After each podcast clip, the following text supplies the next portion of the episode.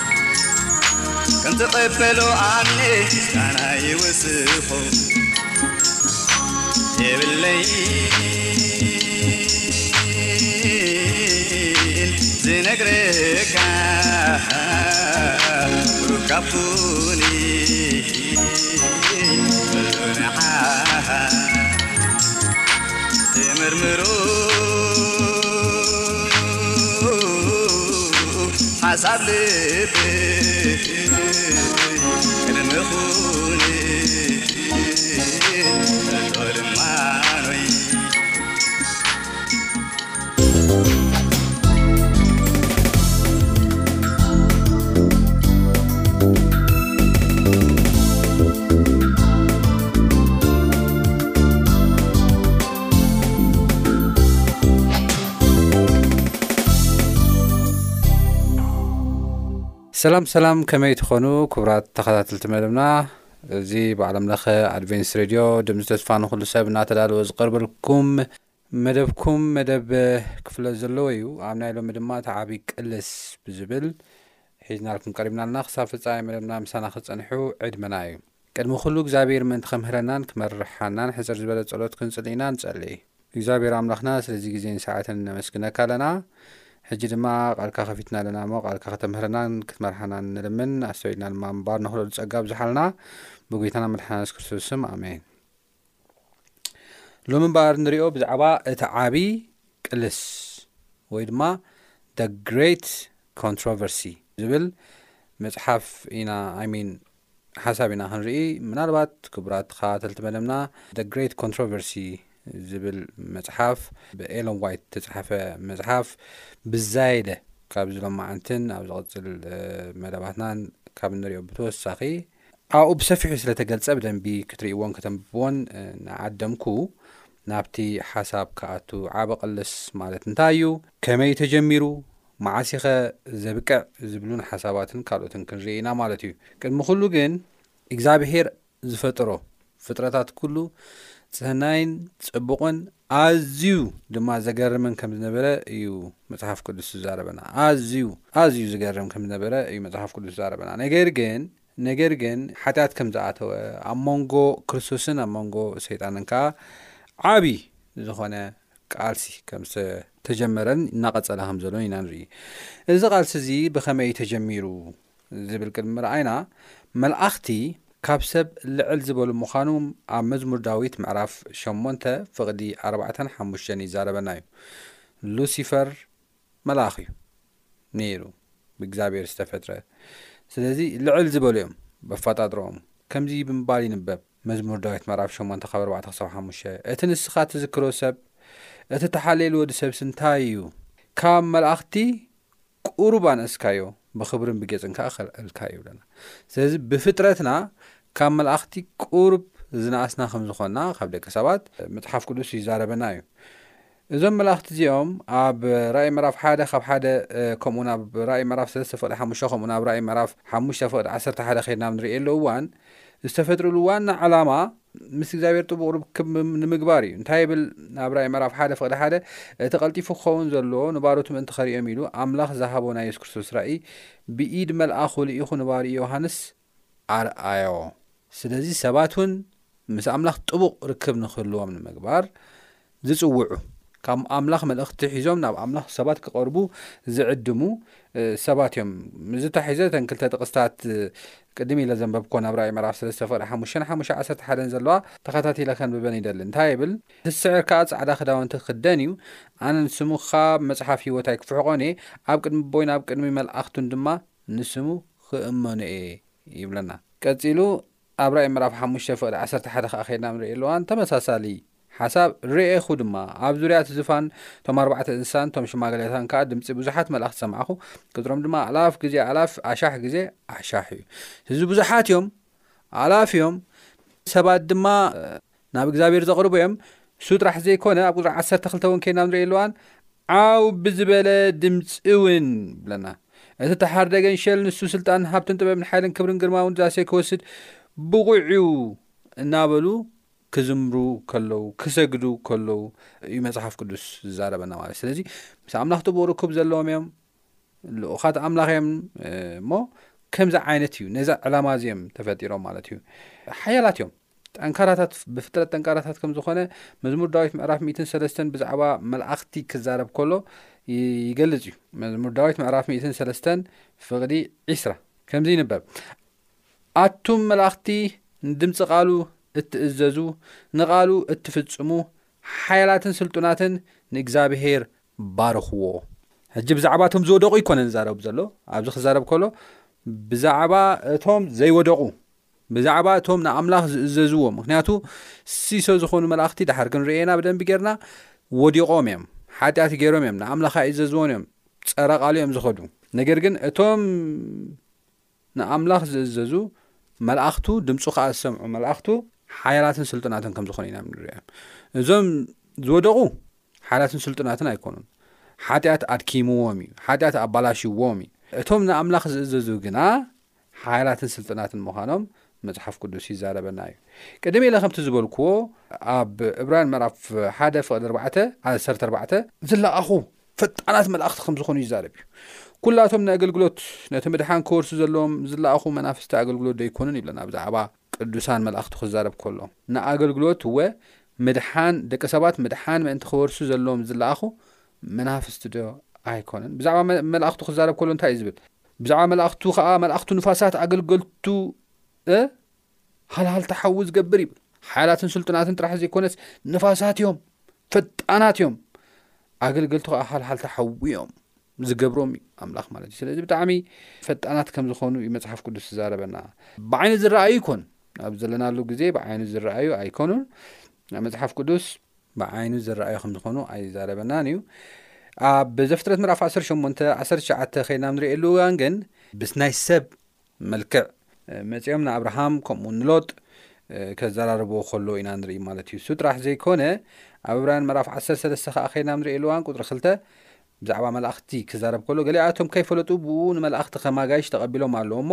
ንምቕባል ጋሻ ኣይተረስዑ እቲ ኣይፈለጡን ቅዱሳን መላእኽቲ ከም ዝኾነ በዓል ኣብርሃምን ብዛዕባ በዓል ሎጥን ኣይፈለጡን ግን ተቐቢሎሞም ጎይተተይ ኢሎም ተንከባኺቦሞም እዮም ማለት እዩ ከይፈለጡ ብዝኾነ ከም ሰብ ፎርም ወይ ድማ ናይ ሰብ መልክዕ ሒዞም ግን ክመፁ ከም ዝኾነ ኢና ንርኢ ስለዚ ኣብዚ ክንሓስቦ ዘለና ወይ ድማ ክንግምቶ ዘለና ሰይጣን ዝበሃል መልኣኽ እዩ ብዙሓት ሰባት ሰይጣን ክሓስቡ ከለዉ ኣብ እምሮኦም ዝተቐርፀ ወይ ድማ ኣብ ፎቶታቶም ዝተቐርፀ ነገር ከም ዝተባላሸወ ሕማቕ ገለ ገይሮም ስእልዎ እዮም እዚ ግን ትኽክል ኣይኮነን ናይ መጽሓፍ ቅዱስ ዝሃቦ መልክዕ ኣይኮነን እንድያም ኣብ ዝቕጽል ኣብ ንርእየሉ እዋን ብመልክዕኻ ፍጹም ዝነበርካ እዩ ዝብል መልክዐኛ ከም ዝኾነ ብመልክዑ ኢቭን ከም ተዓበየን ከም ዝወደቐን ብጥበቡ ከም ተዓበየን ከም ዝወደቐን እዩ ዝዛረበና እሞ ሰይጣን ከም ክፉእ ከም ሕማቕ ብልሹው መልክዕ ዘለዎ ጌርካ ምቕራጽ እዚ ናይ ባዕሉ ናይ ሰይጣን ስትራተጂ እዩ ናይ ባዕሉ ናይ ዲያብሎስ ከምኡ ገይሮም ሰብ ክርእይዎ ስለ ዝደልዩ እዩ ናይ ባዕሉ ናይ ዲያብሎስ ስትራተጂ እዩ እዚ ናይ ዲያብሎስ ስራሕ እዩ ስለዚ ክንኣምኖ የብልናን ዝብል ሓሳብ እዩ ዘሎ ምክንያቱም ብዙሓት መልክዕ ሰይጣን ከም ክፉ ገይሩ ይቆፅርዎ እሞ ድሓር ከም መልክዐኛ ኮይኑ መፅኡ የስሕቶም ከም መልክዐኛ ኮይኑ መፅኡ ናብ ጥፍኣት ይወስዶም ናብ ጥፍኣት ይወስዶም ስለዚ ክንጥንቀቕ ክንክእል ከም ዘለና እዩ ዘርእና ማለት እዩ ስለዚ ኣብዚ ሓሳብ እዚ ከረድኣኩም ዝደሊ ቀዳማይ ነገር ብዛዕባ መላእኽቲ ከምዚ ዝዓይነት ሓሳብ እዩ ዘሎ ኣብ መጽሓፍ ቅዱስ። ስለዚ እግዚኣብሄር ሕማቕ መላእኽቲ ብመጀመርያ ክፈጥር ከሎ ኣይፈጠረን። ድኹም መልኣኽ ኣይፈጠረን። ብዙሓት እልፊ ኣላፋት መላእኽቲ እዮም ዘለዉ። እልፊ ኣላፋት መላእኽቲ ግን ሕማቕ፣ ደካማ፣ ስልጡን ዘይኮነ መልኣኽ ግን ኣይፈጠረን እግዚኣብሄር ክዛረብ ከና ከሎ ማለት እዩ። እንዲያም ክዛረበና ከሎ ኣብ ኢሳያስ ምዕራፍ 14 ፍቕዲ ዓሰርተ ክልተ ከምዚ ኢሉ ይዛረበና ኣብ ኢሳያስ ምዕራፍ ዓሰርተ ክልተ ኣታ ኮኾብ ጽባሕ ይብሎ ብዙሓት ሉሲፈር ዝብል ምስ ሰይጣን ዝብል ስም ቃል ከራኽብዎ ከሎ ብዘይ ፍላጥ ሰምዕ እሞ ሓድሓደ ግዜ ክዛረብ ፍትን ነገር ግን ሉሲፈር ሰይጣን ቅድሚ ሓጢኣት ዝነበሮ ስም እዩ ሕጂ ሉሲፈር ሉሲፈር ክበሃል ኣይክእልን ሰይጣን ሉሲፈር ክበሃል ኣይክእልን እዩ ምክንያቱ ሉሲፈር ማለት ኮኾብ ጽባሕ ማለት እዩ ናይ እግዚኣብሄር ክብሪ ናይ እግዚኣብሄር ፍቕሪ ናይ እግዚኣብሄር ምሕረት ናይ እግዚኣብሄር ለውሃት ንመልእኽቲ ዘርኢ ዝነበረ ዘመሓላለፍ ዝነበረ ዝሰብኽ ዝነበረ ዝዝምረሎም ዝነበረ ጥበብ ዝመልኦ መልኣኽ ማለት እዩ ሉሲፈር ማለት እቲ ሽሙ ማለት እዩ ደሓር እዩ ብሓጢኣት ጥበብካ ኣባላሾኻ ደሓር ከነንብቦ ኢና ብሓጢኣት ጥበብካ ኣባላሾኻ ተባሂሉ ሽሙ ሰይጣን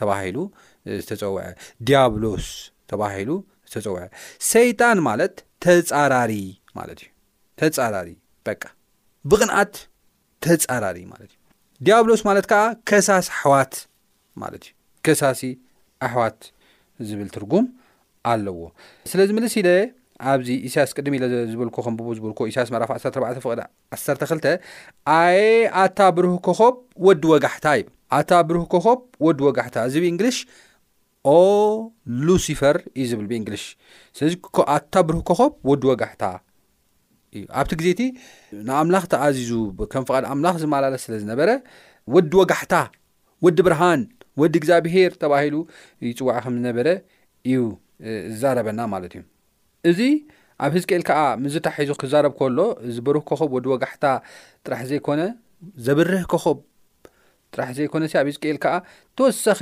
ሓሳብ ከመይ ዓይነት ባህሪ ከም ዝነበሮ ሉሲፈር ቅድሚ ምውዳቑ ዘርኢ ሓሳብ ኣሎ። ንስኻ ይብል ኣየ ኣታ ብርህ ኮኸብ ወዲ ወጋሕታ ይብል እሞ ድሓር ሕዝቅኤል ከኣ ከይና ንሪኦ ኣለዋን ቁፅሪ ምዕራፍ 28 ፍቕዲ 14 ንስኻ ዘጽልል ቅቡእ ኪሩብ ነበርካ ይብል ንስኻ ዘጽልል ቅቡእ ኪሩብ ነበርካ ኣነ ኣብቲ ቅዱስ ከረን ኣምላኽ ኣስፈርኩኻ ኣብ ማእከልታ ኣማን ሓዊ ድማ ተመለስካ። ኪሩብ ዝብል ቃል ኣሎ ኣብዚ ቃል እዚ። ዝክሩ ተዄንኩም ኣብ ቤተ መቕደስ ሰለሙን ኣብ ዘስርሖ ይኹን ኣብ ድኳን ይኹን ሰለስተ ክፍልታት ኣሎ ቤተ መቕደስ እዚ ቤተ መቕደስ እዚ ተቐዳማይ ናይ ጉባኤ ቦታ እቲ ካልኣይ ቅዱስ ስፍራ እቲ ሳልሳይ ድማ ቅድስተ ቅዱሳን ዝበሃል ክፍልታት ኣሎ ነናይ ባዕሉ ዕላማታት ኣለዎ ኣብ ዝሓለፈ ቅድም ኢልና ብዛዕባ ቤተ መቕደስ ሰፊሕ ዝኾነ መግለጺ ሂብና ነርና ኢና ከም ፍቓድ ኣምላኽ ኣብ ዝቕጽል ድማ ምናልባት ፍልይ ብዝበለ መልክዕ ክነቕርቦ ክንፍትን ኢና ብዝኾነ ግን ኣብቲ ቅድስተ ቅዱሳን ሊቀ ካህን ጥራሕ ክኣትወሉ ዝኽእል ነይሩ ኣብቲ ቅድስተ ቅዱሳን ካብ ዝቕመጡ ዝነበሩ ኣቓሑት እታ ጽላት ኣብ ውሽጢ ታቦት፣ ኣብታ ልዕሊ ታቦት ከኣ ናይ ታቦት መኽደን፣ መተዓረቂ መኽደን ዝበሃል ናይ ታቦት ዝኽደነሉ ኣሎ፣ ካብኡ ከኣ ኣብቲ መኽደን ከኣ ክልተ ኪሩብ ገጾም ናብቲ ጽላት መሊሶም ዝርእይሉ ዓይነት ምስሊ ተቐሚጡ እዩ ዝቕመጥ ነይሩ፣ ኣብቲ ቅድስተ ቅዱሳን ከድና ኣብ ንርእየሉ እዋን ማለት እዩ። ካብኡ ብዝዘለለ ምስክር ምእንቲ ክትከውን ዝቖጥቆጠት ወይ ድማ ዝዓምበበት ናይ በትሪ ኣሮን ነይራ እያ፣ ኣብቲ ድኳን ማለት እዩ። በዚ ኬድና ኣብ ንርእየሉ እዋን እቶም ኪሩብ ኣብቲ ናይ እግዝኣብሄር ዙፋን መሰረት ዝኾነ ናይ እግዝኣብሄር ሕጊ ክሽፍኑ ከሎ ኢና ንርኢ። እታ መኽደን ናይታ ታቦት ናይ እግዝኣብሄር ዙፋን እያ ተማላኽት ብምልክት ማለት እዩ። ምኽንያቱ ከምቲ ኣነ ዘርእየካ ጌርካ ስራሕ እንዲልዎ ኣብ ዘጸኣት ምዕራፍ ዕስራን ሓሙሽተን ኬድና ኣብ ንርእየሉ እዋን ከምታ ኣነ ዝርእየካን ከም ምስሊ ጌርካ ስራሕ ኢልዎ ንሙሴ ኣብታ በረኻ ክዛረቦ ከሎ ስለዚ ናይታ ታቦት መኽደኒት ናይ እግዚኣብሄር ዙፋን እያ ትውክል ናይ እግዚኣብሄር ዙፋን ከዓ መሰረቱ ጽላተ እግዚኣብሄር እዩ ሕጉ እዩ ናይ እግዚኣብሄር መንግስቲ መሰረት መመሓዳደሪ ናይ እግዚኣብሄር ባህሪ ናይ እግዚኣብሄር ሕጊ እዩ ስለዚ ኣብኡ ዝተመስረተ እዩ ብፍቕሪ ዝተመስረተ ዙፋን እዩ ምክንያቱ እግዚኣብሔር ኣምላኽካ ብምሉእ ልብኻ ኣፍቅር፣ ንብጻይካ ድማ ከም ነፍስኻ ኣፍቅሮ ብዝብል ዝተመስረተ እዩ። በዚ መልክዕ እዚ ኣብቲ ናይ እግዚኣብሔር ዝፋን ክልተ መላእኽቲ ዘጽልሉ ኣለዉ፣ ኪሩባት ይበሃሉ። ካብ ዝገርም እቲ ናይ መጀመርያ ዘጽልል ዝነበረ ኪሩብ ሉሲፈር እዩ ነይሩ። ምክንያቱ እዚ ሓሳብ እዚ እንታይ እዩ ዝነግረና? ኣብ ቁፅሪ 14 ንስኻ ዘጽልል ቅቡ ኪሩብ ነበርካ። ስለዚ ንክርስቶስ ኣዝዩ ዝቐረበ ንክርስቶስ ኣዝዩ ዝቐረበ ፍጡር ከም ዝነበረ፣ ንእግዚኣብሔር ኣቦ ኣዝዩ ዝቐረበ ፍጡር ከም ዝነበረ ሉሲፈር፣ ንመንፈስ ቅዱስ ኣዝዩ ዝቐረበ ፍጡር ከም ዝነበረ ሉሲፈር በዚ ክንርዳእ ንኽእል ኢና ማለት እዩ። ካብዚ ዝተላዕለ ካብ ኡምፂኡ ንካልኦት ዘብርህ ነይሩ ብዛዕባ እግዚኣብሔር ማለት እዩ። ስለዚ በዚ መልክዕ እዚ ንስኻ ዝጽ ቂቡእ ነበርካ፣ ኣነ ኸኣ ካብቲ ቕዱስ ኣቐረን ኣምላኽ ኣስፈርኩኻ፣ ኣብ ማእከል'ታ ኣማን ሓዊ ድማ ተመላለስካ። ካብታ እተፈጥርካላ መዓልቲ ጀሚርካ ኽሳዕ'ታ ኣበሳ እተረኽበካ ግዜ፣ ብመንገድኻ ዅሉ ድማ እንታይ ነበርካ? ፍጹም ነበርካ።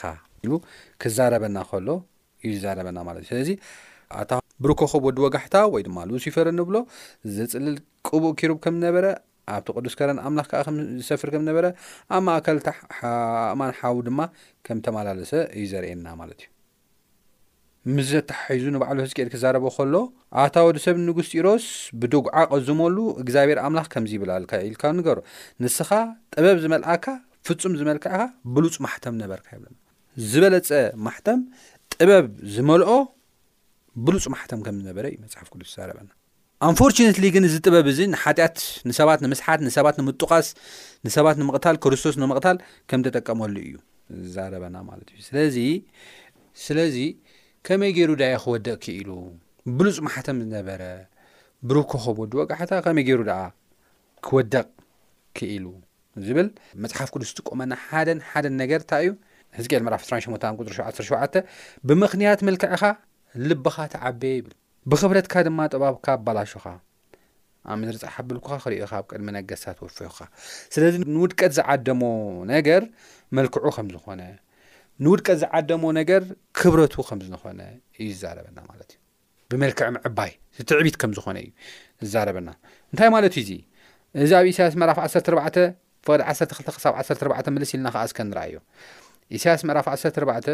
ካብ ዓሰርተ ክልተ ክሳብ ዓሰርተ ኣርባዕተ ኣየ ኣታ ብሩህ ኮኸብ ወዲ ወጋሕታ፣ ከመይ ኢልካ ካብ ሰማይ ወደቅካ፣ ንስኻ ነዛ ብ ዘውደካስ ከመይ ኢልካ ናብ ምድሪ ተደርቢኻ፣ ንስኻስ ብልብኻ ናብ ሰማይ ክድይብ፣ ብልቡ ምንም ዝጎደሎ ዘየለ፣ ንስኻስ ብልብኻ ናብ ሰማይ ክድይብ፣ ንዙፋነይ ከኣ ኣብ ልዕሊ ከዋኽብቲ ኣምላኽ ልዕል ከብሎ፣ ኣብ ወሰን ሰሜን ኣብ ልዕሊ ኸረን ማሕበር ክቕመጥ እየ፣ ኣብ ልዕሊ ርእሲ ደበናታት ክድይብ ነቲ ኣዝዩ ልዑል ክመስል እየ በልካ ኢሎና እዚ ሕጂ እቲ ሽግሩ እንታይ እዩ ተዓቢቡ ንልዑል ክመስል እየ ኢሉ ንልዑል ክመስል እየ ናብ ሰማይ ክድይብ ንዙፋነይ ካብ ልዕሊ ኳክብቲ ኣምላኽ ኣብ ልዕልቶም መልእኽቲ ልዕል ከብሎ እየ ኣብ ወሰን ሰሜን ኣብ ልዕሊ ኸረን ከዓ ማሕበር ክቕመጥ እየ ኢሉ ማለት ብትዕቢቱ ብመልክዑ ብጥበቡ ነበሮ ተዓብዩ ከምዚ ከምዚ ዝበለ ኢና ንርኢ ሕጂ እዚ ከምዚ ክብል ከሎ ዲያብሎስ ወይ ድማ ሉሲፈር ቅድሚ ውዳቑ ከምዚ ክብል ከሎ ክዕበ ከሎ ነቲ ልዑል ክመስል እየ ክብል ከሎ ምናልባት ከመይ ገይሩ ኣንጻሩ ኮይኑስ ከመይ ገይሩ እዩ ብጎኑ ኮፍ ክብል ዝኽእል ኣንጻሩ ኮይኑስ ከመይ ገይሩ እዩ ምስኡ ኮፍ ኢሉ ክምለኽ ጠቕላላቶ መላእኽቲ እውን ንዑ ከምልኾ እቲኦም እውን ንኣምላኽ ከምልኹስ ከመይ ርካ ክልተ ተጻራሪ ነገርስ ኣብ ሓደ ዝፋንስ ከመይ ገይሮም እዮም ክቕመጡ ዝኽእሉ ዝብል ሓሳብ ምናልባት ክለዓል እኽእል እኸውን እዩ። ነገር ግን መጽሓፍ ቅዱስ ካብ የሱስ ክርስቶስ ቃል ዝሰማዕናዮ ሓደ ምስክር ኣሎ። ናይ የሱስ ክርስቶስ ናይ ዲያብሎስ ሓሳብ ነቲ ልዑል ምምሳል እንደገና ድማ ዝፋኑ ኣብ ልዕሊ ዝፋን ኣምላኽ ልዕል ምባል ጥራሕ ኣይኮነን ነይሩ። እቲ ድሌቱ ከምዚ እዩ ነይሩ ንስኻትኩም ካብቲ ኣቦኹም ካብ ዲያብሎስ ኢኹም ይብል ዮሃንስ ወንጌል ምዕራፍ 8 ፍቕዲ 44 እታ ትምኒት ኣቦኹም ክትገብሩ ትደልዩ ኣለኹም ንሱ ካብ መጀመራ ቐታል ነፍሲ ዩ ንሱ ካብ መጀመርያ ቀታል ነፍሲ ዩ ሓቅኡ ስለ ዘይልቦ ኣብ ሓቂ ይጸንዐን ሓጾት ክዛረብ ኮሎ ካብ ርእሱ ዩ ዝዛረብ ሓሳዊ እሞ ንሓሶት ኣቦዋ ይብለና ንሱ ካብ መጀመርያ መጀመርያ ሓሳቡ ክሓስብ ኮሎ እዚ ሕጂ ኢሳያስ ምዕራፍ ዓሰርተ ኣርባዕተ ከነንብብ ከለና ህዝቅኤል ምዕራፍ ዕስራን ሸሞንተን ክንዛረብ ከለና ካብ መጀመርያ ሓሳቡ ካብ መጀመርያ ኢንቴንሽኑ ንእግዚኣብሄር ቀቲሉ ንእግዚኣብሄር ኣወጊዱ እዩ ኣብቲ ዝፋን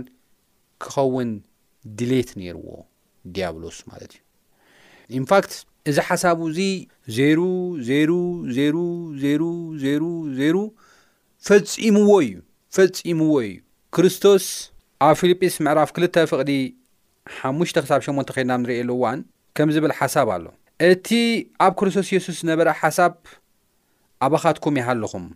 ንሱ ብመልክዕ ኣምላኽ ክነሱ፣ ነቲ ማዕረ ኣምላኽ ምዃኑ ከም ምምንዛዕ ኣይረኣዮን። ክርስቶስ ማዕረ ምስ ኣምላኽ እዩ። መልክዕ ባርያ ወሲዱ ርእሱ ኣሐሰረ፣ ሰብውን መሰለ። ብንብረቱ ከም ሰብ ኮይኑ ተረኽበ። ርእሱ ክሳዕ ሞት ኣትሓተ፣ ኣብ መስቀል እኳ ደኣ ተኣዘዘ። ይብለና። እዚ ጥራሕ ኣይኮነን ኣብ ዮውሃንስ ወንጌል ምዕራፍ ዓሰርተ ፍቕዲ ሰላሳ ውን ከይና ኣብ ንርእየሉ እዋን ተመሳሳሊ ሓሳብ እዩ። እዚ ውን የሱስ ክርስቶስ ዝተዛረቦ ሓሳብ እዩ። እንታይ ኢሉ የሱስ ክርስቶስ ዝተዛረቦ ዮውሃንስ ወንጌል ምዕራፍ ዓሰርተ ፍቕዲ ሰላሳ ኣነ ኸኣ ህይወት ዘልኣለም ህብን ንዘልኣለም ድማ ኣይጠፍእን እየ ካብ ኢደይ ውን ዝምንዝዕን የልቦን ምስ በለ እቲ ንኣታተን ዝሃበኒ ኣቦይ ካብ ኩሉ ይዓቢ እዩ ካብ ኢድ ኣቦይ ሓደኳ ዝምንዝዐን ዝኽእል የልቦን ይብል። ምክንያቱ ርእሱ ኣትሒቱ እዩ ዝብለና ፊልጲስ ርእሱ ኣትሒቱ እዩ ርእሱ ባዶ ገይሩ እዩ ይብለና ኦሬዲ ርእሱ ባዶ ገይሩ ንኣቦ ከኽብረ ይመፀ ኢሉ እዩ ርእሱ ልዕል ከብል ኢሉ ይመፀን ነገር ግን ድሓር ናብቲ ሓቂ ክዛረበና ከሎ እንታይ ኢሉ ኣነን ኣቦን ሓደ ኢና ይብል ኣነን ኣቦን ሓደ ኢና ይብል። ኣይሁድ ደርማ ኣምነ ክቀትልዎ ከም ብሓድሽ እምኒ ልዐሉ። የሱስ ከኣ ካብ ኣቦይ ብዙሕ ሰናይ ግብርታት ርኤኹም፣ ስለ ኣየናይ ግብሪ ኢኹም ብደርባ ኣምነ ክትቀትሉኒ ትደልዩ ዘለኹም? ኢሉ መለሰሎም። ኣይሁድ ከኣ ስለቲ ምጽራፍካን ሰብ ክነስኻ ኣምላኽ ምግባርካን እምበር ስለቲ ጽቡቅ ግብርታትካ ኣይኮነን ብእምኒ ንቀትለካ ኢሎም መለሱሉ ይብለና። ስለዚ ኢየሱስ ክርስቶስ ኣምላኽ እዩ። ማዕረ ኣቦ እዩ። ማዕረ መንፈስ ቅዱስ እዩ። ስለዚ ሉሲፈር ርእሱ ልዕል ከብል ከሎ ክዕበ ከሎ ኣነ ዙፋነይ ኣብ ልዕሊ እግዚኣብሄር ክገብር እየ ክብል ከሎ ኣብ ኢሳያስ ምዕራፍ 14 ከም ዝተዛረበና ክብል ከሎ እቲ ዋና ኢንቴንሽኑ ንእግዚኣብሄር ቀቲሉ ንእግዚኣብሄር ኣወጊዱ ወይ ድማ ንክርስቶስ ኣወጊዱ እንታይ ንምግባር እዩ ነይሩ ዙፋን ንምሓዝ እዩ ነይሩ ኣብ ቦታ እግዚኣብሄር ንምቕማጥ እዩ ነይሩ ሓሳቡ እዚ ኮይኑሉ ኢለ ቅድም ኢለ ተዛርብኮ ዋና ሓሳቡ ክርስቶስ ኣብዚ ርእሱ ኣትሒቱ ምስ መፀ ንዓና ንኸድሐ ምስ መፀ ድያብሎስ ነቲ ሓሳቡ ኰይኑሉ እዩ። ክርስቶስ ኣብዚ ምስ መጸ ቀቲልዎ እዩ፣ ኣብ መስቀል ንኽስቀል እውን ገይርዎ እዩ፣ ብኣዝዩ ኣሰቃቒ ነገር ማለት እዩ። ነገር ግን ንክርስቶስ ሰቒሉ ጥራሕ ኣይተረፈን። ክርስቶስ ንድያብሎስ ብሞት ኣብ መስቀል ብምስቃል እቲ ኣብ መስቀል ተሰቒሉ ስዒርዎ እዩ። ኤክስፖዝ ጌርዎ እዩ ንሱ ቀታል ነፍሲ ምዃኑ ንሱ ሓሳዊ ከምዝኾነ ሓቂ ኣብኡ ከምዘየላ ኣጋሊጽዎ እዩ ስዒርዎ እዩ ሞይቱ እውን ኣይተረፈን ኣብ ሳልሳይ መዓልቲ ተሲኡ እዩ ስዒሩ እዩ ነቶም ብኡ ዝኣምኑ ከም ፍቓዱ እውን ንክመላለሱ ዝመረጹ ብኡ ህይወት ንክህቦም ኣነ መንገድን ሓቅን ህይወትን እየ፣ ብዘይ ብኣይ ናብ ኣቦ ዝበጽሕ የለን ብምባል ንኣቦ ንኽበጽሑ፣ ዓይኒ ዘይረኣዮ እዝኒ ዘይሰምዓቶ ኣብ ልቢ ሰብ እውን ዘይተሓስበ እግዚኣብሔር ነቶም ዝፈትዎ ዘዳለወሎም፣ ነቶም ዝፈትዎ ከውርሶም ተዳልዩ ኣሎ ማለት እዩ። ስለዚ ክቡራት ተኸታተልቲ መደብና ናይ ዓቢ ቅልስ መጀመርያ እዚ እዩ፣ ትዕቢት እዩ።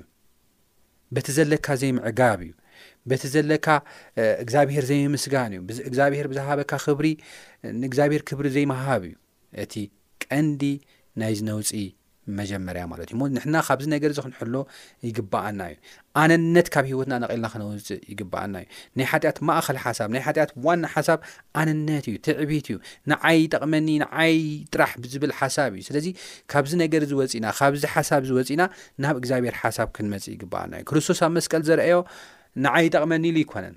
ንዓይ ይጠቕመኒ እንታይ እቲ ንሶ ብሓጢኣት ትጠፍኡ ተዝብል ንሕና ኣይምደሓናን፣ ንሕና ተስፋ ኣይምረኸብናን፣ ንሕና መጻኢና ብሩህ ኣይምኾነን። ነገር ግን ከምኡ ኣይኮነን ገይሩ እግዚኣብሔር። ንዓይ ይትረፈኒ፣ ኣነ ሞይተ ንሶም ሕይወት ይርከቡ ብምባል፣ እዩ ናብዚ ምድሪ እዚ መጽዩ ማለት እዩ እሞ ንሕና ውን ኣስ ኣሰር ክርስቶስ ክንስዕብ እግዚኣብሔር ጸጉኡ የብዝሓልና እናበልኩ ናይዚ መቐጸልታ ብዝቕጽል ሒዘልኩም ክቐርብ እየ ክሳብ ዝቕጽል ሰላም ኩኑ ጎይታ ይባርኽኩም